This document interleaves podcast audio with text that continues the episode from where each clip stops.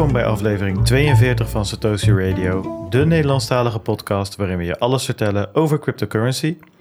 Ik ben Bart Mol en uh, Wijnand, uh, die is hier ook, maar hij is eigenlijk op het strand, volgens mij toch? Ja, nou, nu niet, maar uh, goed, als dit online komt, dan lig ik inderdaad in Egypte het land van de piramides, van de farao's. Ja, dat, ja, die zijn er, maar die ga ik niet zien, want ik uh, kom het resort uh, waarschijnlijk niet af.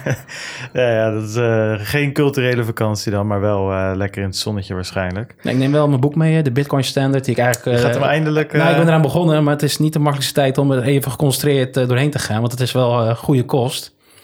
Uh, allemaal economische uh, nou ja, modellen en dan weet ik wat allemaal. Dus ik, uh, ik neem hem mee en ik hoop wat voor bladzijden verder te komen. Dus dat, misschien kan ik je in 43 er meer over vertellen. Ja, ik, ik wens je veel succes um, in, in de brandende zon, 40 graden met je boekje. ja, ik denk dat het niet heel vervelend gaat worden. Oké, okay, um, ja, dat is mooi. de disclaimer natuurlijk. Alles wat wij vertellen is op persoonlijke titel en moet niet worden gezien als beleggingsadvies. Uh, we zijn bereikbaar via Telegram en Twitter. De links vind je op www.satoshiradio.nl. Je kan ons ook steunen op Patreon of, via, uh, of met Bitcoin of Ethereum. Uh, ook deze links vind je op de website. En we hebben natuurlijk ook vandaag in deze, want het wordt dus een special hè, voor de duidelijkheid. Ja. Een uur lang gaan we het, gaan we het over het bedrijf van onze gast hebben. En uh, die gast heeft dus 30 jaar ervaring in de FS-industrie op het snijvlak van business en IT. Um, en sinds 2018 is hij co-founder en CEO van Unchain. Um, met Unchain kunnen bedrijven elke blockchain integreren met elke applicatie. En daar gaan we het een uur lang over hebben. Dus wij hebben er heel veel zin in. Uh, ik heb het over Arjen van Ooyen. Arje van Ooyen, dat is net, uh, net verteld aan mij. Arje, moet ik het goed zeggen. Welkom, leuk dat je er bent. Dankjewel. Ja, dan gaan we naar de stelling of moeten we nog eens even... Nee, laten we met de stelling gewoon beginnen. En dan pakken we hem direct door met van... Gaan we het daar eens over ja, is. En dan gaan we er in één keer door. Ja, de eerste stelling is altijd hetzelfde. En dat is Satoshi of Vitalik? Vitalik. Private of public? Dan heb ik het natuurlijk over change, blockchains. Private. Telefoon of laptop? Telefoon. Ondernemer of in loondienst? Ondernemer. Film of serie? Serie. Cloud of on-premise? Cloud. Nou, dat kwam allemaal redelijk uh, gemakkelijk ja, uit. Te makkelijk ja. gemaakt, denk ik. Ja, ja we, moeten ons, uh, we moeten weer een stapje, stapje ja, uitdagender de volgende keer, denk ik. Maar is er eentje waar jij op terug wil, uh, terug wil komen? Nou, wat natuurlijk interessant is, private versus permission blockchain. Ehm, ik zie wel een rol voor public. Um, maar dat zal vooral in de transparency zijn naar het grote, grote publiek. Ik denk voor de echte commerciële B2B toepassingen dat het grootste gedeelte wel op permission zal zitten. En, en business to consumer dan? Hoe zie je dat? Um, zelfs in business to consumer denk ik vooral vanuit de confidentialiteitsoogpunt dat uh, het grotendeels wel uh, permission zal zijn. Alhoewel je kan natuurlijk wel combinaties hebben waarbij je delen van de data on-off-chain hebt, waarmee je dus wel kan voldoen aan de confidentialiteit. En daarmee kan er wel degelijk een rol zijn voor, uh, voor, uh, voor publieke blockchain-netwerken. Zaken als uh, self-sovereign identity is wel een, denk ik, een hele interessante case om dat op publieke netwerken te plaatsen. Ja, dus ik, waar, waar, hebben we het dan even over? Misschien voor niet iedereen. Ja, wij kennen het allemaal wel, maar, uh, maar wat betekent dat? Um, dat is um, waarbij je als eigenaar van data, jou, jouw data, uh, en dat kan uh, betrekking hebben op jouw identiteit, maar dat kan heel breed zijn. Uh, dat is natuurlijk je adres, je, je BSN-nummer, je paspoortnummer, maar kan ook je diploma's zijn, Um, eventueel ge uh, gegevens over um, vorige, vorige werkgevers. Um, en dat je die data zelf kan managen. En dat je dus partijen uh, toegang kan geven tot die data op het moment dat jij hebt bepaald dat ze ook toegang hebben tot die data. Ja, en dat link je dus aan een identiteit op het eventueel een blockchain. Hè? Dat ja. is eigenlijk ja. waar ze het samenbrengen. Ja. Ja, ja ik weet dat de uh, Dutch Blockchain Coalition is hier uh, best wel hard Ja, dat is een van de pijlers Ja, inderdaad. dat Ja, staat ja, ja, ook gewoon op een, op een website. Dat is best wel leuk om, eh, om na te lezen. Maar dat is inderdaad een van de, een van de pijlers waar zij mee eh, bezig zijn. Dus Blockchain Coalition is voor mij een initiatief van de overheid, toch? Meerdere partijen zijn daar Ja, die, die, die- allemaal eh, ja business. precies. Die Ja. haken, dus er is heel veel business aangesloten. Maar volgens mij wordt het gedreven vanuit de overheid. Maar dat, dat is even onder voorbehoud. Dat is hartstikke interessant, inderdaad. We hebben natuurlijk wel meer... ehm, dat, dat schiet mij te binnen, die tweakers meeting... die wij een jaar geleden hebben bijgewoond. Daar werd ook, voor mij de token of zo... Dat, Ja, eh, to- dat, ja, precies. Ja, niet als token, hè, maar met een eh, een ei Griekse Ja. inderdaad. En die eh wilde volgens mij paspoorten op de, op de blockchain gaan zetten, precies om deze reden. En dat was dan vooral eigenlijk eh, in, in gebieden waar het überhaupt al eh, niet goed vastgelegd is. Oh, je bedoelt, eh, is Taiken? Ja, Taiken. Taiken, Ja, dat dat- is hem. Ja, ja. ja. En die, eh, dat ging dan vooral, eh, hij, hij kwam met de use case voor vluchtelingen bijvoorbeeld, als, als, als, als het stadhuis of whatever, waar die, al die documenten gelicht gebombardeerd is of iets Ja. dergelijks. Of dat je dan, zijn eh, inderdaad, Ja, precies. ja. En dat je dan met die blockchain alsnog gewoon je, je eigen documenten hebt. Ja, dat is een mooi Ja, het is, het is bij dit soort dingen altijd lastig om niet in obstakels te denken, zeg maar. Zeker omdat hier in, in het Westen ook niet echt de, niet direct de niet er is. Ja, wel, wel het gemak. Hè. Je moet denken, als je ergens bekend bent gemaakt, inderdaad, eh, als jij je verklaring omtrent gedrag moet aanvragen, al dat soort moeilijkheden, Ja. moet je het elke keer voor al je werkgevers doen. Ja. Terwijl dat natuurlijk best wel vreemd is, terwijl dat ook gewoon gekoppeld kan worden aan je identiteit. En je hoeft eens aan te tonen dat jij die persoon bent. Nee, klopt. Ik, ik zie de voordelen wel. Die zijn er ook zeker. Alleen, ehm, eh, ja, dat, die, die VOG moet ik ook elk jaar aanvragen. En dat is elk jaar irritant, maar dat is niet, eh, het is niet enorm belemmerend. Dat is meer wat ik bedoel. Nou ja, ik ben er zelf geen fan van. Ik zet er middenin weer natuurlijk. Maar eh, ja, nee, goed, maar als je, het, het is, het is meer als je het afzet tegen, tegen hoe noem je dat, de, eh, de vluchtelingen die Nee, met een bootje aankomen en het paspoort helemaal kwijt zijn. En eigenlijk geen identiteit meer hebben, valt dat een beetje in, het- in het... eh, Ja, in dat is diep. maar ik zie zeker de, de, de use case wel van, want het is een enorme papiermachine natuurlijk. Ja, maar als je kijkt naar identiteitsfraude in het algemeen. eh, dus ehm, het gaat er niet alleen om wat jij kan aantonen, maar ook dat anderen er misbruik van kunnen maken. Ja. Of dat je, als je al eigenlijk toen nog kijkt hoeveel bedrijven er onder een valse identiteit dingen kunnen doen als eh, witwassen van geld, eh, btw-carousels, ja. die op grote schaal plaatsvinden. En, en bedrijven dus opstarten onder valse identiteit, wat natuurlijk stel je dat goed op een blockchain zou kunnen neerzetten, dan denk ik ook dat je in dat hele KYC-proces een stukken. Daar hoort heel veel. Ja. KYC, Ja. dat is dan een bankpartner jou gescreend heeft. Ja. Dat je niet dat nog een keer hoeft te doen. Als je bij een andere dat- bank komt, bij een enorm. partij, die kan zeggen, ja, Bart Ja. Mol is al gescreend door, weet ik, eh, door de ING. Ja. Ja, dan ga ik ervan uit dat jij inderdaad Bart Mol bent als je bij me aanklopt. Ja, nee, dat is e- enorm interessant. Al die dingen die, die gebeuren tiendubbel op dit moment. En dat, eh, dat, dat zie ik zeker ook wel. Ehm, je koos ook voor Vitalik. Daar ben ik ook nog wel benieuwd naar wat daar de ehm, achtergrond bij is. Ehm, het, het model van eh, een blockchain-netwerk met, met eh, smart contracts. Ehm, eh, en, en of dat het dan publiek is of, of permissioned. maar dat principe dat je dus tussen organisaties of tussen mensen en organisaties data kan uitdelen, uitwisselen, eh, assets kan uitwisselen, is natuurlijk een heel sterk concept. Ja, nee, de- ja, ik, eh, dus ik vind het altijd grappig, want het is altijd een beetje een, een, een tweestrijd natuurlijk. Je hebt de, aan de ene kant de, de, de grondlegger van de hele blockchain-technologie. Aan de andere kant een beetje eh, de, de ja, hoe noem je dat? Coca Vitalik.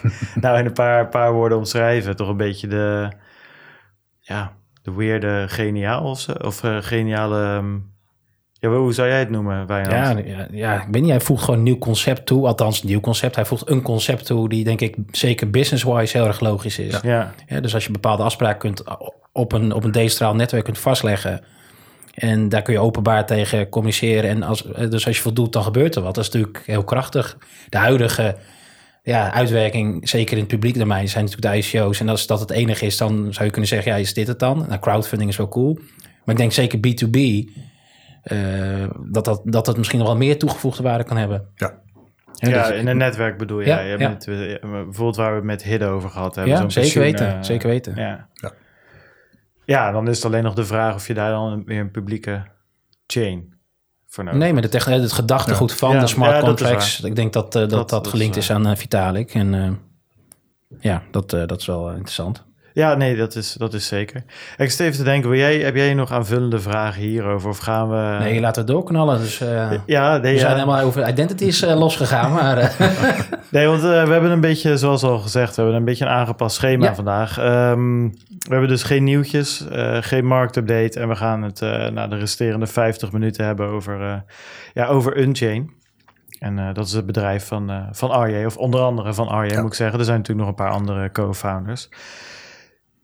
Ja, ik denk dat het eerst misschien eens leuk is voor ons, maar ook voor de luisteraar, om een beetje erachter te komen wie jij nou eigenlijk eh, bent. Hè? Ehm, eh, je bent al, al hartstikke lang actief in de, in de FS-sector en dan Ja. hè, op het snijvlak van business en IT. Kan je eens kort meenemen in, in een beetje de loopbaan die je gehad hebt en hoe je daar uiteindelijk in de crypto-wereld beland bent? Ja, ja. Ehm, ja, toen ik begon, ehm, stapte ik eigenlijk al gelijk de digitale wereld in. In de zin van, ehm, ik kwam terecht bij de afdeling van ABN AMRO... die verantwoordelijk was voor het ontwikkelen van electronic banking eh, producten of kanalen. En dat is eigenlijk de eerste slag voor de banken richting digitalisering. Ri- digitalisering richting hun eh, eindklanten, in dit geval de corporates. Ging over het ophalen van transactieinformatie. En ehm, ik eh, werd al een vrij vroegtijdig stadium eh, werd gevraagd om ook eh, betalingen te doen. En dat ging om groot betalingen met, grote, grote bedragen. Waar dus de beveiliging een heel essentieel onderdeel is. En ja, dat moest aan de grootste veiligheidseisen voldoen. Dus met smartcards en public key signatures. Dus, eh, en dat is denk ik in 91. Dus in die tijd had ik al heel veel te maken met in feite de cryptografische concepten die je natuurlijk ook in blockchain eh, tegenkomt. Eh, hashing, public key infrastructuren, al dat soort zaken, smartcards. Ehm dus, dus toen de blockchain op zag, zag ik wel een heleboel terugkomen daarvan. En in, al de jaren dat ik zeg maar, werkbaar ben geweest, heb ik me vooral bezig gehouden met het integratie van, digitale integratie van ketens. Binnen de financiële wereld, maar ook de, de, de financiële wereld met zijn eindklanten. En dat was in dit geval natuurlijk de corporates. Eh, waarbij je probeert de, de digitale diensten naadloos, digitaal naadloos aan te laten sluiten bij de, bij de processen van, van, de, van de corporates. En dat is eigenlijk ook weer iets wat je nu weer terug aan het zien bent met, met, eh, met, eh, met blockchain. Dus ehm, ja, dus een heleboel van de dingen toen, toen blockchain zeg maar in een stadium kwam van eh, dit is technologie die misschien buiten zeg maar cryptocurrencies te gebruiken is, ehm, zag ik wel enorm het potentie daarvan. Maar had je dat toen al, op een gegeven moment komt de whitepaper uit en dan komt er het netwerk live. Hè, dan zie je dus ook in het nieuws eh, over bitcoin zag je toen hè, en op een gegeven moment inderdaad Ethereum. Maar had je dat gevoel al direct, eh, dat cryptografie en die betalingen toen met de bitcoin kwam? Of kwam dat meer misschien met inderdaad toen Ethereum kwam, de smart contracts? Toen juist je die business opportunity begon te zien. Klopt, klopt. Dus- Voor dus mij was het 2014 dat ik eh, eigenlijk het, het, het business potentieel begon te zien. Maar toen zat je natuurlijk nog niet bij Unchain. Nee, dat klopt. klopt. Ik zat toen nog bij IBM. Ja, Eh, toen was blockchain binnen IBM nog een compleet onbekend terrein. Eh, ik was toen wel een van de, ook binnen IBM, een van de early adapters. Eh, we hadden toen eind 2014 calls om de twee weken met een aantal enthousiastelingen wereldwijd. 20 man of zo. Waar we gewoon eh, ideeën van, oké, wat zou dat kunnen betekenen, die, eh, die, eh, die blockchain technologie. Ehm, en in de, in de loop van 2015 eh, heb ik me verder in gaan verdiepen. Heb begon vanuit IBM te spreken op, op congressen. En dat was voordat IBM met Hyperledger, omdat dat is in eind 2015, zijn- is IBM eh, met Hyperledger, of ja, het was natuurlijk niet IBM alleen. Het was natuurlijk IBM met een aantal partijen. Eh, heel bewust opgezet als een open source eh, initiatief. eh, middels of via het Linux Foundation om een, een open source blockchain technologie te, te lanceren dat dan te gebruiken is door willekeurige organisaties. Ja. Heb jij daar nog aan mogen Ja, meewerken aan, het, eh, aan dat hele Hyperledger? Nee, dat was, het was een vrij, vrij eh, dat, ik merkte wel in, in de loop van 2015 dat er iets aan gaande was. En ik had ook wel de contacten, maar dat werd compleet uh, uh, afge... En dat vond vooral in de IBM Labs plaats. Ja. En, ik, en ik zat daar behoorlijk ver vandaan. Is dat een soort start-up omgeving? Moet ik dat zien? Zo'n incubator of hoe noemen ze dat? Uh... Nou, het is dus het gebied binnen IBM waar een heleboel research en development plaatsvindt. Ja, oké, precies, ja. juist. Uh, en uh, waar een heleboel patenten ook vandaan komen. Dus IBM besteedt nog veel geld aan research en development. En, en ze, ze, doen natuurlijk ook heel veel op het gebied van nieuwe, nieuwe computertechnologieën, maakt niet uit wat. En, en ja, Watson in, is er natuurlijk een goed, uh, goed voorbeeld van. Watson is daar ook uit voortgekomen. Ja. ja, ja. Wat is Watson ja. precies? Dat is de, de AI-robot, AI, zeg maar. Ja. Ze hebben daar op een gegeven moment een soort van robot van gemaakt... die volgens mij uh, Jeopardy, of hoe heet dat? Hoe heet het Amerikaanse? Br Brits spelletje. Zeg maar, dat, was, dat is een denkspelletje waar je heel slim door taal heen moet kijken en dan antwoorden moet geven. En nou, je moet maar op YouTube opzoeken. Dat is wel grappig om te zien. Die Watson, die, die slacht gewoon de beste Jeopardy of Jeopardy, ik weet niet precies hoe het heet. De beste spelers ter wereld af. Gewoon echt alsof het, alsof het kinderen waren. En dat was zeg maar, dat is al best wel een tijdje terug. En dat was eigenlijk een beetje hetzelfde als toen Kasparov door een schaakcomputer uh, achter elkaar schaakmat werd gezet. Alleen dat schaken, dat is echt een, een, een, ja. een spel uh, waar, waar je een, een, eindig aantal mogelijkheden hebt. En dit spel is, is nou, echt een denkspel. En dat was de eerste keer dat echt een AI, zeg maar, in een denkspel aantoonbaar veel beter was dan een mens.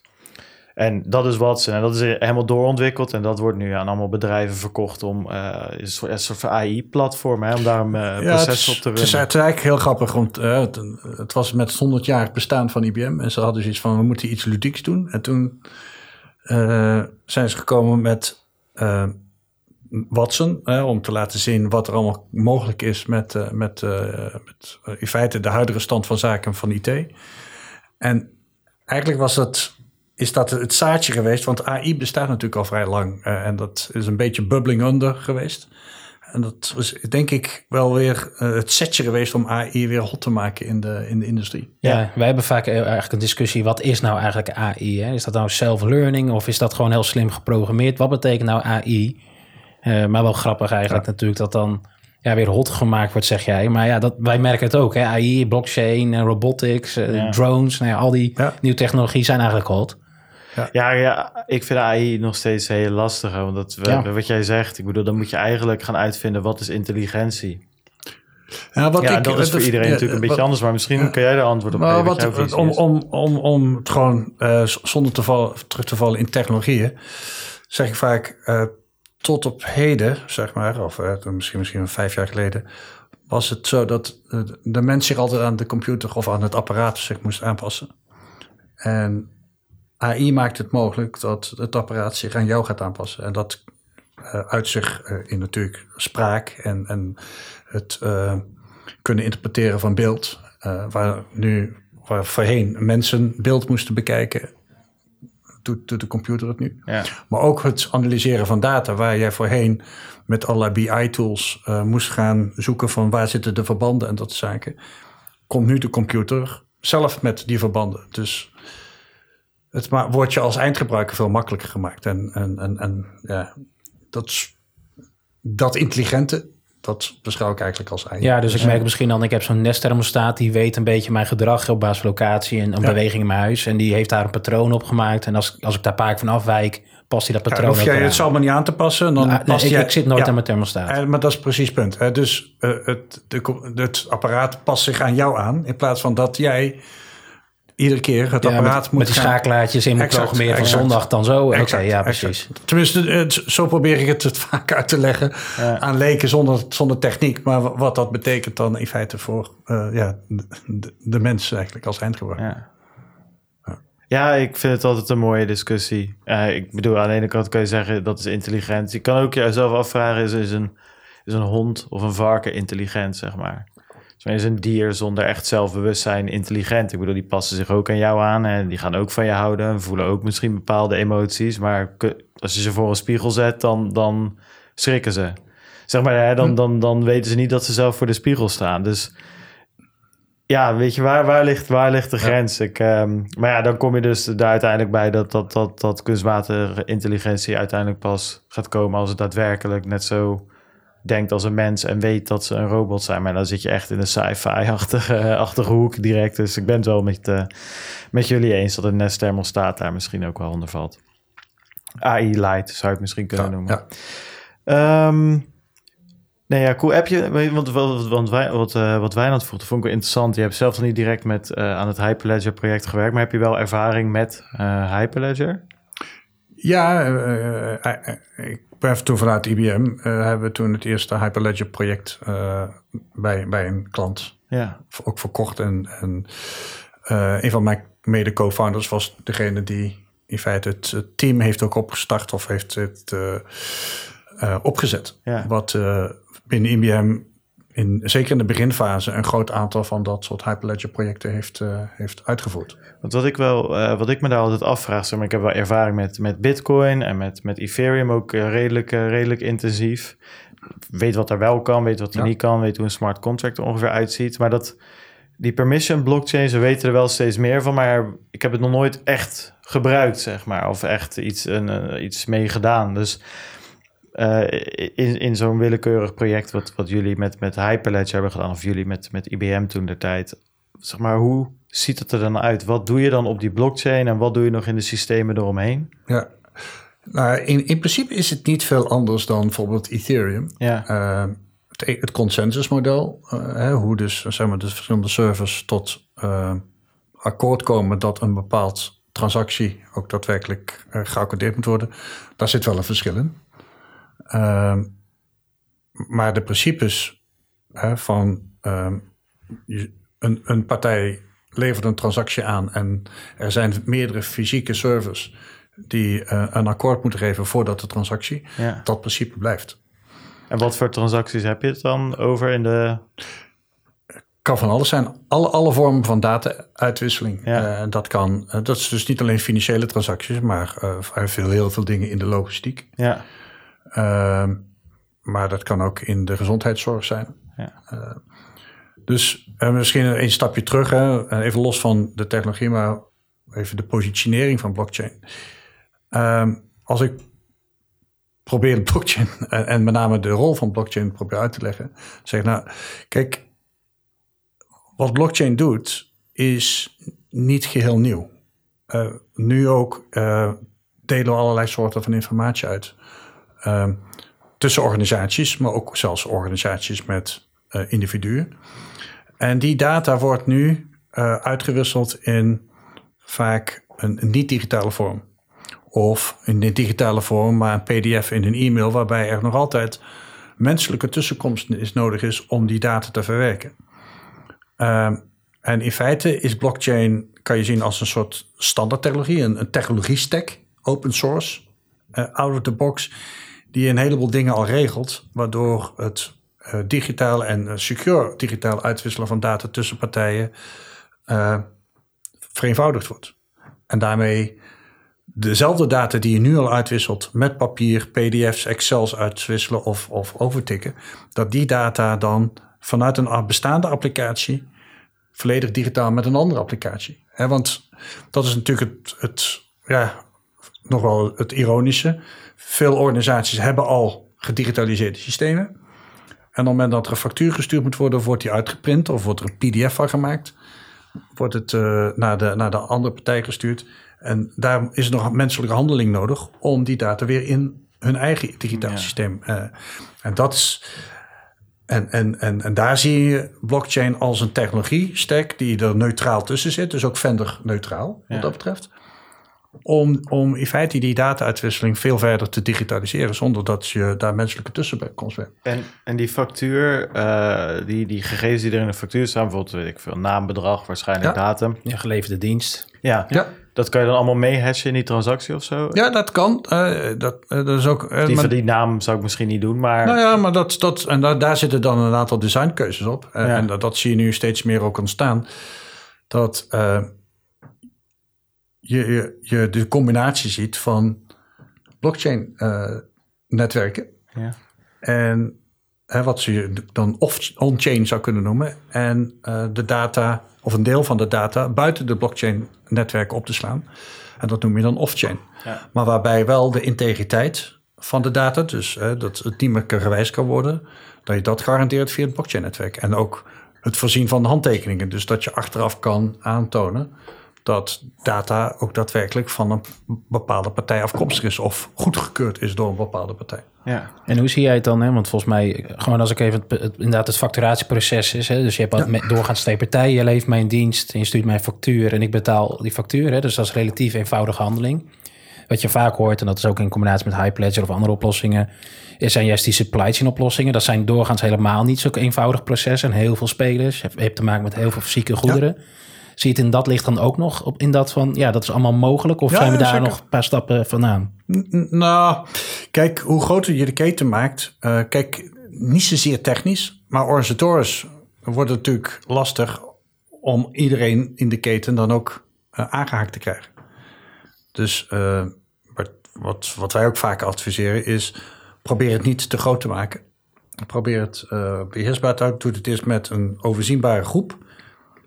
Eh, en een groep waarmee je dan kan zeggen: ik kan in productie gaan zonder dat je afhankelijkheden hebt naar andere partijen. En dat je dan langzaam maar zeker de groep met partijen op het netwerk steeds verder gaat uitbreiden. En, en dan gaat dus erg over de governance. Maar hoe meer mensen uitbreiden, misschien hebben die ook weer andere behoefte aan andere data-overdrachten. Ja. Is dat dan nog steeds makkelijk te integreren? Nou In, ja, in die private structuur heb ik het dan met name even over. Kijk, je moet op het moment dat je, hè, want er is ook de vraag van hoe komen blockchain-netwerken tot stand? Eh, ja, dat doe je vaak niet in je eentje. Eh, er zijn wel een aantal initiatieven waar één dominante partij eh, een netwerk opzet. Eh, maar de meeste, dat ontstaat vanuit, ze noemen dat consortia-organisaties die gezamenlijk zeggen, nou, we hebben daar ge- gemeenschappelijk belang bij. Laten we een netwerk opzetten om eigenlijk de informatie die we nu al uitwisselen met elkaar op een vele malen efficiëntere manier met elkaar uit te wisselen. En ehm, ook dat je een single point of truth hebt, zodat eh, als je kijkt naar een, een logistieke keten, dat je niet alle le- partijen in de logistieke keten hoeft na te vragen van wat is nu de status, maar dat je op het blockchain-netwerk kan zien, oké, dit is de status van deze levering. Ja, een soort hele ja, decentrale track and trace Ja. eigenlijk. Hè? Dus Eh. je kunt zien inderdaad, eh, daar zit het pakket. eh, Ja, en maar waarbij de, pakket, eh, de pakketleveranciers eh een eigen dedicated systeem hebt, Precies. ga je het hier plaatsen over een, over, over een netwerk wat onafhankelijk staat van welke partij dan ook. Ja. Maar, dat is een mooi bruggetje, dan moet je natuurlijk nog wel met je bestaande systemen integreren. Ja. Zo'n blockchain. En eh, ja, daar zijn jullie vooral mee bezig volgens mij. Ja, dus, dus dat was eh, toen, toen wij vanuit die visie eh, van oké, maar dan heb je een SAP-systeem of een Oracle-systeem of het kan ook een ziekenhuisinformatiesysteem afhankelijk van wat je uit data uitwisselt. Ehm, die, de data die daarin zit is natuurlijk en die applicaties hebben natuurlijk niet de koppeling met het blockchain-netwerk. Nee. Dus je zal er iets tussen moeten hebben die ervoor zorgt dat eh, je zonder aanpassingen aan je bestaande systemen de data eruit kan halen via bestaande interfaces en dan op het blockchain-netwerk in het benodigde formaat te stoppen. En natuurlijk de andere kant op. Hè, data die anderen op het blockchain-netwerk en die voor jou bedoeld is, dat je dat eraf kan halen en om kan zetten in een formaat waardoor het automatisch te verwerken is door, je, door, je, door jouw applicatie. Nou, en ehm, om dat zo eenvoudig mogelijk te maken eh, en zo snel eenvoudig mogelijk te implementeren, dat is iets wat eh, wij met onze oplossing die we hebben ontwikkeld eh, eigenlijk, eigenlijk voor zorgen. Ja. Heet gewoon jullie, jullie platform oplossing ook echt daadwerkelijk Unchain of heeft dat eigenlijk nog een andere naam? Want Nee, wij noemen het de, blockchain, de blockchain gateway. de blockchain gateway. Dan Ja, gaan we ja, die ja. gewoon ook gebruiken. Ja, Ja, dus, dus Unchain is het bedrijf, Ja. de blockchain gateway is, Is- product. is- is eigenlijk. product. Ja, Ja. exact, exact. Ja. Ja, want dus eigenlijk is het een... Ja, en niet, niet per se... Ja, een interface vind ik een beetje te... Integratielaag, te- te- eh, maar integratielaag, ja. We noemen het ook wel, Vertaalaag. we noemen het ook een interoperabiliteitslaag. Dat, eh, Jullie zijn sinds maart 2018 eh, bezig, volgens mij. Eh, Officieel offici- bezig. Of, offici- we zijn eh, toen, zeg maar, uit onze, eh, we noemen het ook wel, eh, stulp geklommen. We, we hebben toen al een 15 maanden aan het product eh, ontwikkeld. Ja. Nee, oké, dus er zit wel... eh, ik dacht leuk, een eenjarig bestaan, maar er zitten dus al 15 maanden extra, Ja, ja, ja. Ja, extra we ook achter. geen taart mee inderdaad. Dat Nee, nee, ja, ook ik niet klaarstaan. eh, ik vond het al zo... eh, als we, met hoeveel zijn jullie nu? Want ik zag vier co-founders volgens mij. Ja, ja, En dan hoeveel we mensen... zijn met negen man. eh, ja. In totaal negen Ja, man ja, aan het, ja, eh, aan, het Ja, werk. ja. Oké, en dat...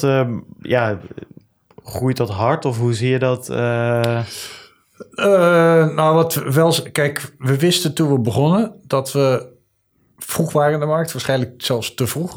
ja, want ehm, onze oplossing begint pas echt relevant te worden als blockchain-netwerk eh, in productie gaan. ja. Eh, eh, want, eh, en, en dan komt dan ook de uitdaging voor dat soort netwerken. Van ja, oké, nu, nu, nu hebben we het netwerk. Nu moeten we allerlei partijen gaan aansluiten. En, Want, want, Ja. eh, nee, eh, want hoe, hoe doen ze dat nu dan? Want ik zit even te denken. Je hoort natuurlijk, nou nu iets minder, eh, maar je hoort natuurlijk best wel vaak dat eh, banken of eh, Verzekeraars, verzekeraars, pensioenen, energie. maar je energie hebben we het Ja. over gehad. Eh, de haven van Rotterdam Ja. doet volgens mij iets. Ze zijn allemaal eh, container eh, terminals, whatever. Die zijn allemaal bezig met blockchain implementaties. Ehm, zeg maar, en die hebben niet allemaal gebruik gemaakt van jullie product. Dus hebben die dan een soort van Ja, zelfbouwachtig klopt. eh, dingetje Klopt. Daar, daar gedaan om dat Ja. te koppelen? Nou, dat klopt. Hè. En, en die hebben dat zelf ontwikkeld. En die, die hadden waarschijnlijk ook de skills en de Kapitaal. kapitaal, de mogelijkheden. Eh, en, en dan ging het ook waarschijnlijk om een beperkt aantal koppelingen. Proof of concept veel, hè? Ja, nee, klopt. eh, maar ook ze hebben de expertise hadden ze in huis, van de blockchain expertise, van hoe praat ik tegen de, de, de, de SDK van de, de blockchain client. De SDK is... SDK is dan zeg maar de, de programmeerlaag zeg maar, waar je dan tegenaan eh, moet, moet programmeren. Ehm, maar dat is straks niet voor ieder bedrijf. En niet ieder bedrijf is eh, even tech-savvy, eh, heeft dezelfde resources, ehm, wil dezelfde effort erin steken. Ehm, dus ja, wil je ook die meekrijgen, dan zal je ervoor moeten zorgen, ook als, als, als, als blockchain-netwerk, dat je een, een, een oplossing aanbiedt waarmee je dus het zo eenvoudig mogelijk voor dat soort partijen maakt om hun bestaande applicaties te koppelen op het blockchain-netwerk. Ja. Zonder dat er eigenlijk aan die bestaande applicaties iets moet gebeuren. Nou, hoeft daar dan echt niks aan te gebeuren? Dus ik, eh, ik hoorde je al SAP noemen. Hè? Dat is Ja. natuurlijk een groot, eh, nou, zeker in de financiële sector, gewoon een groot... eh, Nou, zeker in de, vooral, alle, ja, in de financiële sector ook. Maar daar zit er nog meestal een kluwe aan andere, andere systemen naast natuurlijk. Maar als, Met- je, als je kijkt naar grote retailers, manufacturers, Ja, zeker op, die, die draaien gewoon één systeem. En dat is, dat is SAP. eh, SAP, ja, of een andere. ERP. Maar die hebben één systeem in het hele bedrijf, zeg maar. Hè? Maar, maar hoeft er dus letterlijk dan, hè, dus eh, jullie komen aan met eh, de blockchain het, gateway. Ja. Nee, ik, moet- ik doe nectar wat ik alweer zeggen, blockchain gateway. En, en, en dan moet ik dan gewoon zien, ik draai eh, SAP en ik ben een grote nou, manufacturer, dus ik ben een autofabrikant. ja. En eigenlijk zou ik graag met, eh, met mijn bandenleverancier en met andere leveranciers een, een netwerk creëren van nou, een bevestiging dat ik onderdelen heb of no- onderdelen nodig heb, et Ja, cetera. ja. Ja, hoe, hoe ziet dat, hoe, hoe gaan jullie dan te werk? Hoe ziet dat dan eruit? Want ik, ik draai al, hè, dus ik kan ook Bart bellen van Bart, ik heb die banden nodig. eh, wanneer heb ik ze? Ja, klopt. En, eh, en dat is precies ook hè, de, de, de, waar, je, waar je blockchain voor gebruikt, dat je dus niet hoeft te bellen. Eh, ehm, dus het uitgangspunt van onze oplossing is om we- die gateway, daar configureer je adapters in. En, ehm, en een adapter is in feite een pijplijn van acties die je moet uitvoeren om het input interface, zeg maar, hè, formaat, berichtformaten en dat zaken op te pakken en alle noodzakelijke dingen te doen. En het zo om te zetten zodat je het richting een blockchain-netwerk kan sturen. Mogelijkerwijs zelfs dat je moet bepalen welk blockchain-netwerk. Dus je had het net over facturen. Eh, nou, eh, de kans is vrij groot aanwezig dat er allerlei verschillende blockchain-netwerken zijn waar je eventueel facturen eh, naartoe moet sturen. Ehm, die kunnen ook van verschillende technologieën zijn. De ene kan gebaseerd zijn op Hyperledger, de andere misschien op Ethereum of whatever. Ehm, en dat betekent dus, je wilt dat jouw SAP-applicatie, die levert iets aan in een IDOC-formaat, dat is het SAP-specifieke formaat. En ja, dat moet je dan omzetten in, je moet bepalen naar welk blockchain-netwerk moet het. Dus misschien moet je nog een, eerst een, een, een, een lookup doen naar een directory om te zien, die partij is te bereiken op dat netwerk. Ja. En dan moet je het omzetten naar het formaat van dat netwerk. En via het juiste protocol, connectiviteitsprotocol, naar dat, net, naar dat eh, blockchain-netwerk te Ja. sturen. Nou, dat is iets wat je dus als een, eh, als een wat we noemen adapter configureert. Eh, dat werk is iets wat eh, wij zoveel mogelijk aan integratiepartners willen Ja. willen, willen. eh, Kijk, wij hebben niet de resources, maar ook niet de domeinkennis om, om dat te doen. Dus wij hebben onze applicatie zo open opgezet dat derde partijen eh, dat kunnen doen. En sterker nog, de adapters die zij daar maken, is dan in feite hun IP. Dus zij kunnen dat dan ook doorverkopen. Intellectual property. Ja, intellectual property. Ja. hun rechten. Ehm, eh, en ze, we, gaan in eh, mei gaan we onze marketplace lanceren. Waarmee dus ook dat soort partijen de componenten die ze hebben ontwikkeld op onze marketplace kunnen publiceren. Zodat het integreren zo min mogelijk coding wordt. En dat je zoveel mogelijk eigenlijk herbruikbare bouwblokjes, zeg maar Lego blokjes hebt. Om in feite zo'n adapter Ja. eh, te bouwen. Eh, en eh, zodat eigenlijk de effort en de impact zo laag mogelijk is voor partijen die dingen willen integreren. Ja, dus om daar een beetje duiding aan te geven. Hè, we, laten wij ons een voorbeeld pakken. Ik ben een grote autofabrikant, weet ik veel, BMW of zo, ik noem maar wat. Ehm, en ik wil eh, mijn, mijn, mijn wielbouten, de bouten die ik gebruik om, een, om, mijn- om mijn wielen aan mijn auto te schroeven. Nou, daar wil ik een soort van netwerkje voor opzetten. Eh, ik gebruik er een, eh, ik gebruik SAP bij, als, als, als bedrijf zijnde. En ik wil dat op Ethereum zetten. Dus dan maak je zo'n adapter. Hè? En Ja. dan zeg je dus van, nou, in SAP heb ik deze velden staan. Eh, naam van de supplier, eh, aantal bouten wat ze leveren. Welk da- datum, welk Ja. type en dat soort, eh, dat soort gekkigheid. En dat staat in losse regels, maar op het Ethereum-netwerk moet dat allemaal... ik- Het is even technisch waarschijnlijk niet, niet juist, maar moet het op één regel. Dus dat moet wat omgevormd worden. De naam wil ik gehashed hebben, want anders Ja. kom ik privacy. Nou, dat, dat soort dingen. Dus Ja. Paar stappen in de workflow eigenlijk in die adapter eh, waar je doorheen moet.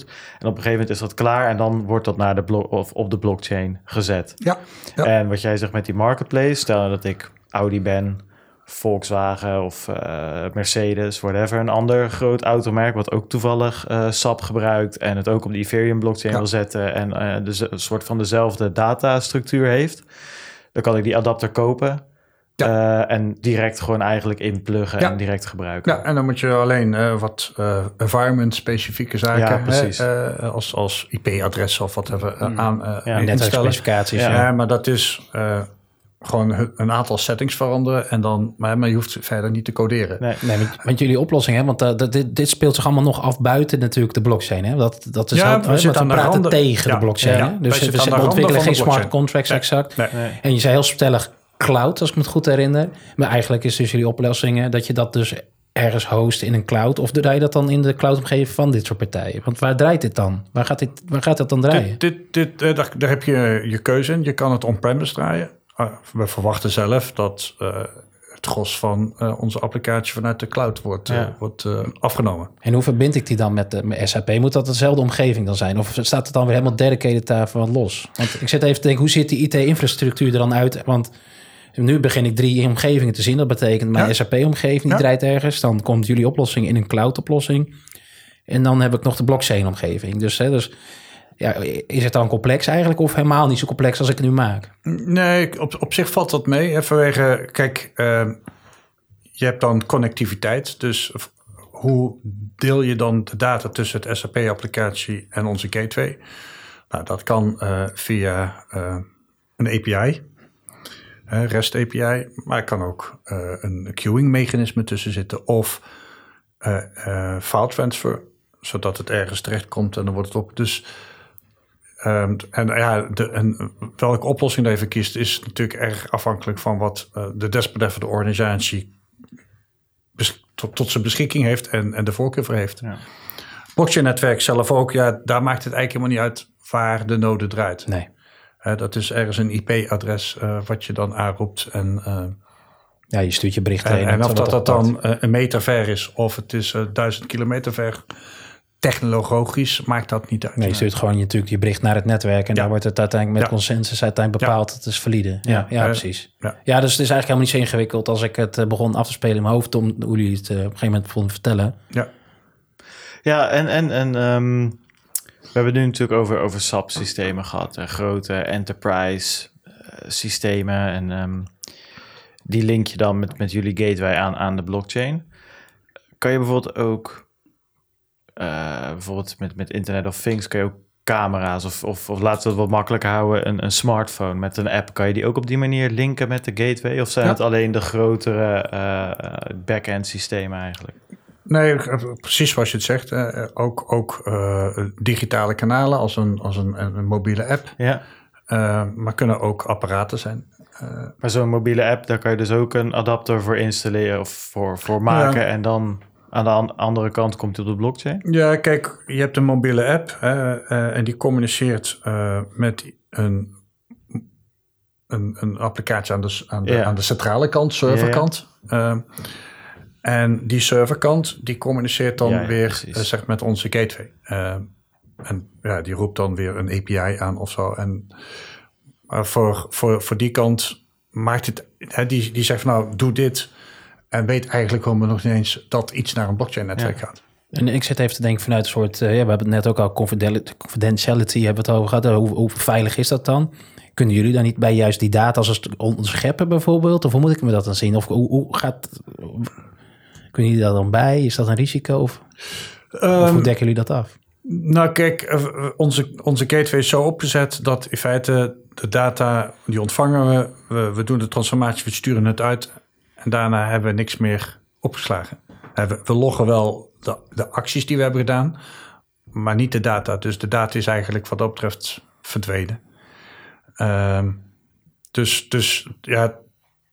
Maar, dus, dus, dus wij houden geen data vast. Maar als ik dat. Um, als ik dat op mijn eigen servers installeer, dan is er toch helemaal voor jullie niks meer om. Nee, dat is ook zo. Ja, nee, zo. nee, maar volgens mij cloud. Ik, ik ging ook vanuit ja. misschien fouten dat jullie dan de, ook de hosting uh, zouden. Nou, dat, dat, dat, kan. Zoals ik het begrijp, zijn er drie uh, maar correct me if I'm wrong, drie mogelijkheden. Dus of je host het zelf op je eigen servers, of ja. je host het zelf op, weet ik veel, AWS of zo, of Amazon. Uh, dat is Amazon natuurlijk, voor de mensen die niet weten. Of op een andere cloud. Mm -hmm. uh, of jullie bieden ook eigenlijk een clouddienst Wij bieden aan. ook een clouddienst ja. aan. ja, nee, die, die, optie bedoel ik. Hè, wat ik hè, wij we spreken natuurlijk ook met de risk managers en vanuit ons eigen werk hebben we daar veel mee te maken. En dan, hè, dus dan zit ik, hè, vanuit jouw financiële achtergrond met betalingen, weet je hoe gevoelig dat kan zijn. Ja. Uh, dus vandaar dat ik gewoon benieuwd was van ja, ik stel, ik stuur een best wel uh, misschien een, een, betaling over dat netwerk heen. Dan wordt met de connector netjes opgepakt en verstuurd. En dat is natuurlijk wel enigszins uh, beveiligd, hè, geherst, et cetera, al kan met sleutels. Maar stel dat dat niet zo is en het wordt gestoord op jullie omgeving, dan is dat natuurlijk een additioneel risico. Ja. Dus dan was ik benieuwd van ja, in hoeverre dekken jullie dat af? Ja, je zegt ja. eigenlijk slaan we niks op. Uh, maar stel dat je je, je cloud-omgeving, ja, misschien wordt je wel uh, nou ja, uh, gehackt, hè, dat het direct gemeerd wordt. Ik weet niet hoor, maar ja. ik zit even te denken, ja, hoe ver zijn jullie daar al mee bezig? Um, nou, dat, het, het, dus je bent zelf als organisatie, configureer je eigen adapters en, en die kan je dan van daaruit ook deployen. Um, omdat um, dat, de, de, ik ben even aan het kijken hoe ik dat op de niet, niet zo'n technische manier kan proberen uit te leggen. Uh, we deployen dat in een gevirtualiseerde omgeving. Uh, dus dat betekent dat je uh, en op basis van Docker, en Docker is, faciliteert dat. En dat betekent dat je het eigenlijk kan kiezen waar je het in feite host. Dat kan zijn in een gemeenschappelijke omgeving, die bijvoorbeeld wij bijvoorbeeld op AWS uh, uh, hosten. Uh, maar het kan ook, je kan het ook laten hosten in je eigen private cloud omgeving. Of zelfs in je eigen, eigen omgeving. Uh, dus ja, die, die, die keuze heb je. En ja, sommige organisaties zullen daar wat kritischer ten opzichte, eh, tegenover staan dan, dan anderen. Ja, en, dan, en dan kun je altijd natuurlijk de oplossing kiezen. Ik zet hem maar gewoon in mijn eigen serverruimte als het moet. Ja, Ja, oké. ja. dus dat is Ja. natuurlijk die, door die smaken vang je dat Ja. dan op aan eh risicoprofiel. Ja. Ik vind het mooi dat je toch zonder de Cryptopia-hacks alsnog met Nee, het ja. aluminium moet je eindigen. Nee, maar dat was meer hoe we over begonnen hè, met financiële sector betalingen. Denk ik, ja, wacht even. Als we het dan over onze Nee, eigen nee, service ik- laten lopen... voordat we het versturen het netwerk in... ja, dat kun je natuurlijk... eh, Ah, misschien, misschien wel een opmerking in, in dat kader. Ehm, kijk, de data die je naar het netwerk stuurt, eh, is voorzien van een digitale handtekening. En ehm, ja, dat is met een, met een private key, hè, dus een geheime sleutel. Ehm, en dan is de vraag, hoe sla je die sleutel op? Ja. Ehm, als je kijkt naar de standaard implementaties, eh, is dat allemaal in configuratiebestandjes, in, eh, in files. Nou, eh, dat is natuurlijk hè, bijvoorbeeld voor de financiële wereld een onacceptabele situatie. Ja. Hè, die, alles wat in feite aan cryptosleutels wordt gebruikt, moet in hardware opgeslagen worden. Dus dat is een van de aspecten die wij ook eh, hebben opgenomen in onze, onze oplossing. Eh, in eerste instantie hebben we dat eh, gedaan met een, wat we noemen, een, een, een, software-based key vault. Ehm, maar in, in feite kan dat gebruikt, kan dat vervangen worden door een hardware-oplossing. Ja. Waarvan ook steeds meer cloud providers die als een, als een dienst aanleveren, zodat je je sleutels ook in een tamper-proof, hè, dus een, een, een omgeving die niet open te breken is, eh, kan, kan opslaan. Ja. ja, dat zijn die, die HSM's, Ja, die hardware security eh, modules. Ja. Maar dat is wel grappig dat jij dat zegt. Die zag je al veel eerder überhaupt in de financiële sector dan, Ja. dan, Ja, heel dan dat blockchain überhaupt bestond. Ehm, en dat zie je nu eigenlijk wel grappig dat dat nu naar de blockchain of de crypto wereld eigenlijk komt. Terwijl je zou zeggen dat het er eigenlijk vanaf het begin al... Ja, eh, de, de cryptografie, eh, wat in blockchain wordt gebruikt, en daar verwijs ik ook, eh, verwijs ik ook naar eh, het begin van mijn carrière. Die cryptografie is niet veranderd. Nee. Ook toen maakte gebruik van HSM's en, en smartcards, waarbij in feite de cryptografie in de, in de, in de kaart zelf zit. dat is heel grappig, want ook... En, en betalingsverkeer, in feite, wat je, als je op het moment dat je contactloze betaling doet, vindt precies dezelfde cryptografie plaats als eh, wat er met blockchain Ja, gebeurt. maar dat vind ik juist zo mooi. eh, die- Dat even terug, dat dat al eigenlijk zo gebruikelijk is in Ja. de financiële wereld. Dat, maar goed, heel veel, ik wist het eigenlijk ook helemaal niet dat het op zo'n niveau was. nee. Totdat je inderdaad eh, een keer dat soort gesprekken hebt. Maar dat eh, heel veel het gevoel heb ik van we zijn heel veel nieuwe dingen aan het ontwikkelen. Zo'n hardware of zo'n module, weet je wel.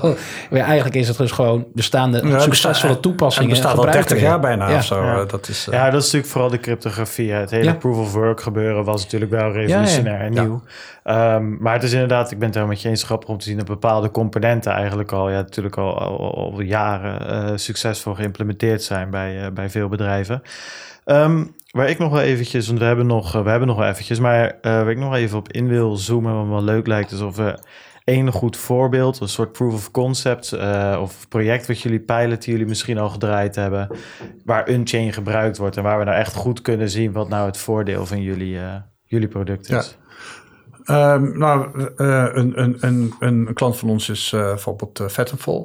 Uh, daar kan ik over praten, omdat het ook wel eh, in de publiciteit is geweest. Ja. Ehm, Energiemaatschappij. een energiemaatschappij, of eigenlijk, eigenlijk Powerpeers, wat eh, in feite een, een, een, een organisatie behorend tot Vattenfall, Nuon, uh, Ja. is. ja, Ehm, want ja, dat zag ik laatst dat Nuon, die, eh, die gaat hun naam veranderen. Dat is Ze gaan hier ja, naartoe. Vattenfall, precies. ja. Ja, eh, maar die hebben dan... Nuon heeft eigenlijk dan weer een dochter. eh, en dat heet Powerpeers. Ja, nou dat is wel grappig, want die komen, eh, kan ik dat zeggen? Ja, dat kan ik zeggen.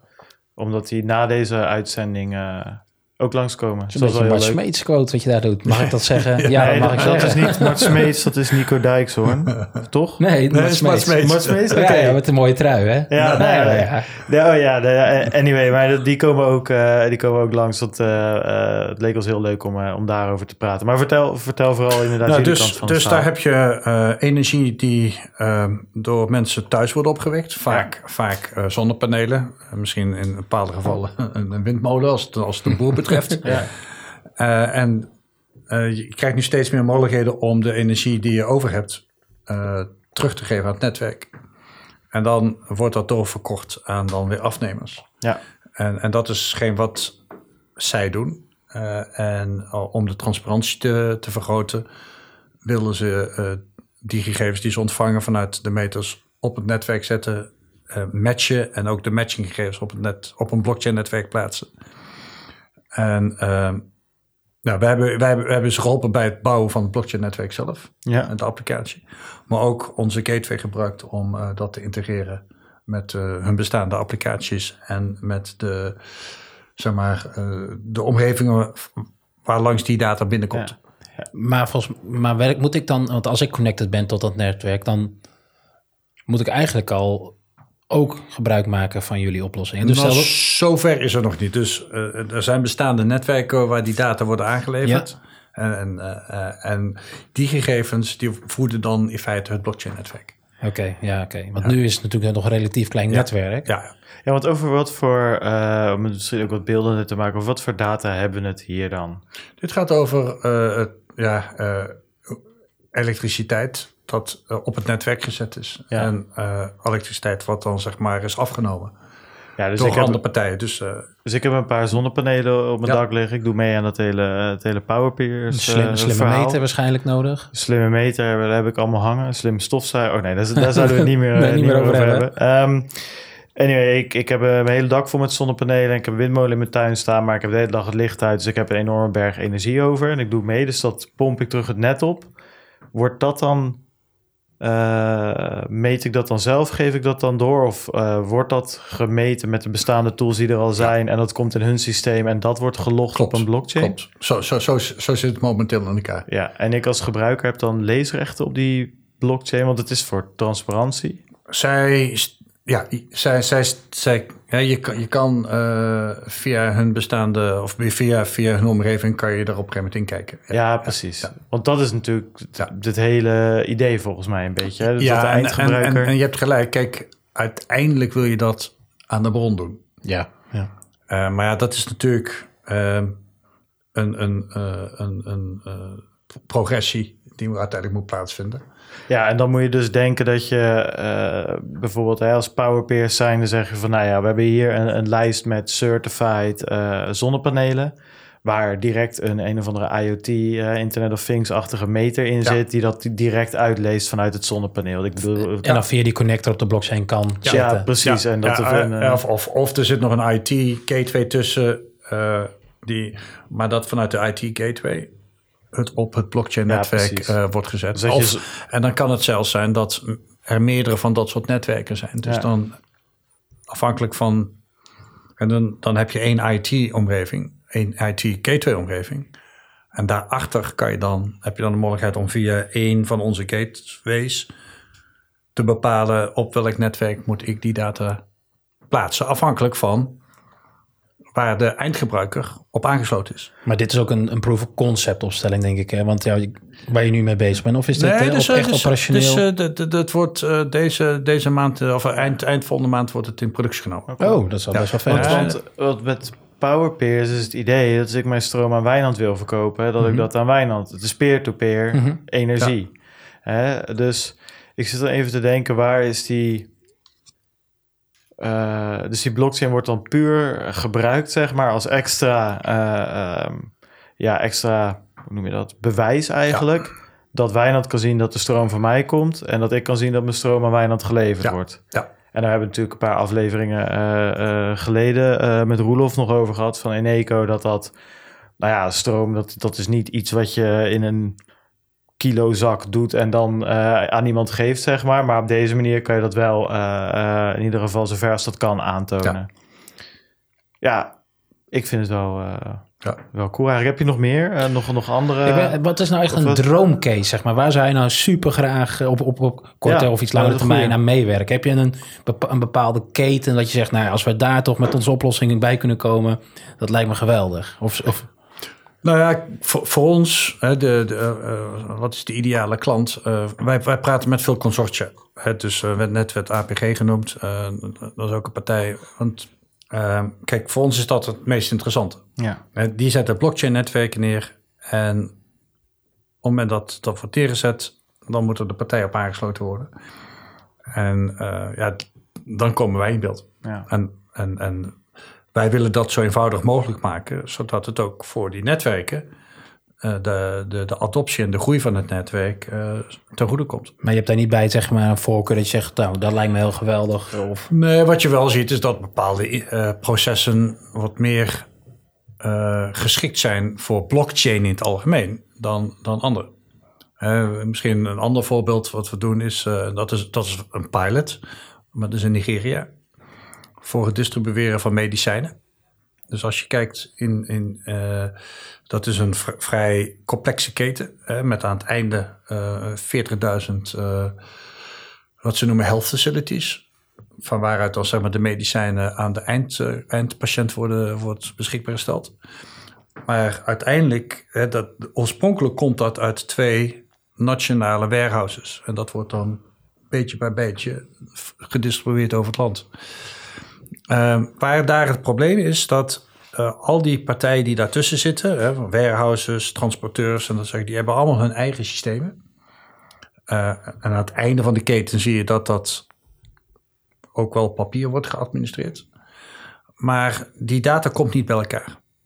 En eh, wat wij nu met een Nederlandse NGO en de Nigeriaanse overheid van je zou daar een blockchain netwerk kunnen zetten waar je niet afhankelijk bent van een specifieke leverancier. Om eigenlijk al die data uit al die plekken in die keten eh, zeg maar eh, eh, te halen. En dat zeg maar te gebruiken om een control tower te voeden. Waarmee je dus een veel beter beeld hebt van de stocklevels op de verschillende plekken. En, en, de, en de movement van de medicijnen op de verschillende plekken. Zodat, want ze hebben toch vrij veel te maken met enerzijds eh understock eh, situaties. Waardoor medicijnen niet beschikbaar zijn. Maar ook overstock. Eh, en dat betekent dat medicijnen uit hun ex, expiration datum vallen. Ja. En er voor, voor vele miljarden aan medicijnen gewoon weggegooid moet worden. ja, omdat ze verloren gaat. Ja. Hè, met name de, de, de nieuwste generatie HIV-medicijn is effectiever, maar heeft een veel kortere houdbaarheidsdatum. Dus er- als je dat niet goed onder controle hebt, eh, moeten een heleboel van die medicijnen weggegooid worden. En hoe connect je dan, want ik hoor je zeggen, dus het begin van warenhuizen. En inderdaad kan ik me voorstellen, die grotere partijen hebben Ja. zeker hun eigen systemen. Die Ja. zou je dus met die connectoren, met de gateway, redelijk eenvoudig kunnen connecten. Dat Maar is- het wordt steeds minder en op een gegeven moment krijg je kleinere partijen die misschien helemaal geen administratiesysteem hebben, maar papier. Ja. Ja. daar op papier en een connector, dat werkt lastig samen. Hoe, hoe, hoe Nou, pak je die laatste stappen dan? Eh, dat is, eh, dan, dan, dan zie je die mobiele app eh, ontstaan. Eh, je zou zelfs, dat is een van de dingen ook die we bespreken we nu in onze pilot gebruik, gebruik van mobiele apps. Maar je zou zelfs in echte remote situaties, zou je zelfs gewoon met feature phones en USSD kunnen werken. Ja. USSD is zeg maar hekje, sterretje en dan wat codes. En, en daarmee kan je dus over, gewoon over het gsm-netwerk data ook naar onze gateway sturen. Hè, want achter de USSD-netwerk van een netwerkoperator zit in feite een USSD-gateway. Die gewoon weer rest praat. En die kun je koppelen en dan kunnen we diezelfde data eh, omzetten in, eh, in de data zoals het dan op het netwerk Maar dan die app, zeg maar, hè, als die telefoon hebt, wat je net zei, daar zit ook natuurlijk een server-side aan. Ja. Ehm, en dat zou dan van de overheid zijn of zo? Of, Nou, eh, nee, of, of van, je, ziet ook heel veel initiatieven op lokaal niveau om dat soort apps te maken. En dat is allemaal dus allemaal in isolement. ja. En wat je eigenlijk, en die, maar die, maar eigenlijk, het zijn hele goede initiatieven. Dus die moet je ook niet proberen te killen. Het enige wat je, wat je eigenlijk wil doen, is die data die zij verzamelen, Ja. via het blockchain-netwerk, eh, allemaal bij elkaar te verzamelen en dat te gebruiken om een, om een, ja, dit- om ik een denk dat dit ook wel eh, control tower te vullen. een, een heel mooi voorbeeld is. Wat, wat, want ik zat ook een beetje te denken van, nou ja, als je nou je, je Hyperledger of je Corda eh, systeem hebt staan of Ethereum of whatever. Je, en je bent BMW of Audi waar we het net over hadden, ja, dan ik veel, die, die smijten ook miljarden tegen die elektrische auto's aan. Dus een paar miljoen voor een blockchain project is natuurlijk dan ook niks. Maar als je hier kijkt, dan zie je dus, wat je zegt, twee warehouses. Die hebben hun eigen back-end systeem. Zo, eh, Als er twee verschillende warehouses zijn. Ga je eronder en heb je misschien eh, wat, wat lokale of wat, wat per provincie. Ik weet niet precies hoe het daar zit. Hè, nog distributie, Centra. partijen, Ja, centra. ja. Op een gegeven moment wordt dat echt gewoon hè, op lokaal niveau of weet ik van een of andere, eh, een of andere stam die dat regelt. Ik, dat zou van allemaal. Mijn punt is dat je dus eigenlijk denkt van nou, dat is een redelijk simpele supply chain. Maar je, gaat, je begint met twee partijen en dan komen er vier bij en dan Ja. komen er acht bij. En op een gegeven moment dan heb je er zo'n berg. En als die allemaal verschillende apps maken, dan is één zo'n gateway die op alles kan connecten Ja. natuurlijk hartstikke waardevol. Wat we ook in onze pilot doen is eh, eh, dat op het moment dat bepaalde medicijnen eh, een bepaalde status krijgen, er zijn afgeleverd bijvoorbeeld bij het Health Facility. Sommige medicijnen die worden gratis verstrekt, maar andere medicijnen die moeten betaald worden. Ja, Ehm, nu gebeurt dat met eh, vaak checks of eh, een, een, een bankbetaling. En dan moeten er allerlei controlemechanismen omheen, omdat ehm, ja, natuurlijk kans is op fraude. Wat we nu gaan doen is ehm, dat bepaalde events op het blockchain-netwerk, hè, dus in feite wordt afgemeld van die medicijnen zijn nu afgeleverd, dat het automatisch een betaling triggert eh, naar de partij die het geld moet ontvangen. en een bankbetaling hebben we het dan over. Dan hebben we over eh, wat we hebben gedaan, is gewoon eh, de lokale coins voor de lokale currency op het netwerk gezet. Uitgegeven door een bank. Ja, Ehm, en die worden dan ge- op basis van die events automatisch naar de begunstigde partij, naar, de, naar het account of de wallet van de begunstigde partij gestuurd. ja. En die kan het dan uiteindelijk aan het einde van de dag of einde van de week of whatever inwisselen weer bij de bank. Ehm, maar dan kan het zijn dat er misschien vele tientallen transacties over het netwerk. Het geld kan dus ook alleen maar naar de designated party, Ja. hè, dus de voorbestemde partij. Klinkt een beetje als die JP Morgan eh, coin. Ja, Ja, die gebruiken ook zo'n soort Eh, Die hebben ja. ook, eh, Ja. die, die, die knallen ook een berg JP Morgan coins de blockchain op. En die ja maar dat zijn, dat zijn dan dollarcoins. Ja. Hè, dat zijn geen, geen eh, dus dat is gewoon eigenlijk een digitaal equivalent Ja, van, eh, van, van de, gewoon de dollar. maar dit zou een digitaal equivalent zijn van de Nigeriaanse dollar. Narja. Klopt. En dat is Ja, het ja, ook. precies. Dus dat het, is is, het ook. het, is, het is een andere currency, maar in, in effect is het ja. precies hetzelfde. is het- sterker nog, dat geld wordt pas op het blockchain geplaatst als er geld van een bankrekening is afgehaald. Ja, ja. Dus eh, het is eigenlijk, als, je, als je kijkt naar eh, wat we vroeger hadden, die, eh, die wallets op, de, op de bankpas, wat relatief kort, kort leven heeft. Ja, die chip, chip chipknip, kaart. Ja, ja. de chipkip. is eigenlijk is, is hetzelfde, want daar moest ook eerst geld van jouw bankrekening afgehaald worden. Ja. En dan werd, het, eh, be- werd dat bedrag werd op jouw chipknip eh, gezet. ja, Eh, wat in feite hetzelfde geld was, maar dan in een andere verschijningsvorm. ja. Ja, puur gewoon digitaal geherst op die Ja, en, kaart. en het idee natuurlijk van deze... eigenlijk, is een banknoot hetzelfde. Alleen is het dan niet digitaal, Ja. maar jij krijgt die banknoot pas als er geld van je rekening is afgehaald. Dus, en op het moment dat je die banknoot weer inwisselt, of je geeft het aan iemand anders en die wisselt het in, dan krijgt hij daarvoor weer geld op zijn rekening. Nou, ja, dan kon je bij de chip natuurlijk ook hè, terugstorten wat je Ja, over had. Dus ja, eigenlijk precies maar, dat principe. Maar, maar in feite is dat hetzelfde principe. Alleen, alleen gaat het dan hier via een blockchain-netwerk, waarbij je het zo kan inprogrammeren dat het geld alleen maar voor specifieke doeleinden te gebruiken is. En daar zit wel een heel krachtig element in. En wat is nu, eh, eh, dan even de vraag, hè, want dat is natuurlijk, eh, ja, ik vind het, blijf me altijd verstellen, omdat dat gewoon mijn hele denkproces weer goed zet. Wat maakt dan juist die blockchain-technologie zo belangrijk in deze keten? Want je zou kunnen zeggen, we maken juist een connector, connector tussen al die programmatuur en die gaat naar een bepaalde server toe en die wordt echt centraal gehost. Wat Ja. is nou juist die, dat je zegt van, nee, blockchain is hier het onderscheidende, want het voegt bepaalde punten toe. Nou, eigenlijk is het zo, want dan wordt er van, ja, maar kan ik dat met eh, traditionele eh, technologie? Ja, tuurlijk kan je dat. Ehm, alleen de effort die je er moet steken om dat mogelijk te maken en de afstemming die je met alle partijen moet doen. Over hoe ga ik mijn security regelen? Hoe ga ik dit doen? Hoe ga ik zus doen? Hoe ga ik zo doen? Dat is zo mega kawaii. En wat het grote voordeel van blockchain technologie is, dat het gewoon een open source out-of-the-box technologie stack is, die eigenlijk een heleboel van dat soort nitty-gritty dingen regelt, zodat je je veel meer kan focussen op de, de applicatieve kant van de applicatie, de functionele kant van de applicatie, dan dat je iedere keer opnieuw met Jan en Alleman alle technische details moet gaan, eh, weer gaan afstemmen en ontwikkelen en testen en dat soort zaken. En eh, hier krijg je het in feite out of the box gewoon beschikbaar. Ja. En dat geeft zo'n. Versnelling, maar ook je hebt veel minder afstemming en dat soort zaken. En dat, dat, dat, dat zie je ook. Uh, je, je kan bepaalde functionaliteit door gebruik te maken van blockchain-technologie zoveel sneller realiseren dan wanneer dat je dat zou doen als je traditionele technologie gebruikt. Ja. En ik denk dat daar de grote, de, de, de, het grote volle zit. Ja, nee, lijkt me een goede, een goede eindvraag ook een beetje.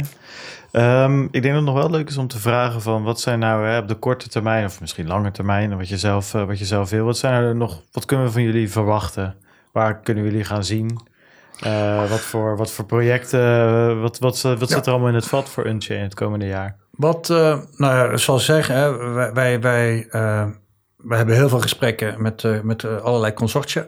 Uh, uh, op, allerlei gebieden. Uh, dat zit in de financiële sector, dat zit in de logistieke hoek, gezondheidszorg. Ehm, iets waar wij steeds vaker ook worden voor gevraagd is blockchain-to-blockchain interoperabiliteit. En in eerste instantie dachten we van, ehm, daar is onze gateway niet geschikt voor, omdat het een single point of vulnerability, zeg maar, is. Hè, of en terwijl je juist eigenlijk blockchain de, ook een ander deel van, van, de, van de waarde is natuurlijk de distributed trust. Uh, maar we zijn op een concept gekomen waarbij we uh, met behulp van onze gateway eigenlijk dat mechanisme in stand kunnen houden. En daarmee eigenlijk ieder blockchain met ieder blockchain netwerk kunnen, uh, kunnen, kunnen integreren. Ehm, waarbij de beide blockchain-netwerken uh, gewoon ook van, uh, gebaseerd kunnen zijn op verschillende technologieën. En uh, ja, daar, daar zien we nu al een enorme vraag naar ontstaan. En ik denk dat dat, dat, dat een van de ja. activiteiten is wat, waar we ook de komende, komend jaar veel meer op, in, op ons in gaan zetten. Ja. Het schijnt ook een beetje, wordt door sommige mensen ook een, een oplossing voor het scalability probleem genoemd ja, als je Bitcoin gebruikt voor um, je store value en uh, je gebruikt, weet ik veel, Nano of zo, of, of Dash, whatever, voor andere, of Grin gebruik je voor je privacy uh, transacties en uh, Ethereum voor je smart contracts en een, een of andere andere chain gebruik je voor Brave gebruik je als browser. En als je die zo allemaal aan elkaar kan linken, dan heb je alsnog een hele snelle blockchain, omdat ze zich allemaal maar met één ding bezig hoeven te houden. Is dat niet het Atomic Swap idee dan? Ja, ook, dat heeft ermee te maken. Alleen het gaat erom dat die... Ja, het swappen, eh, zo swappen is natuurlijk wel echt dat je die, die, die coins swapt. Dat is eigenlijk natuurlijk ook wel wat in de naam is. Maar volgens mij is met die interoper, uh, interoperabiliteit is natuurlijk ook zo dat je...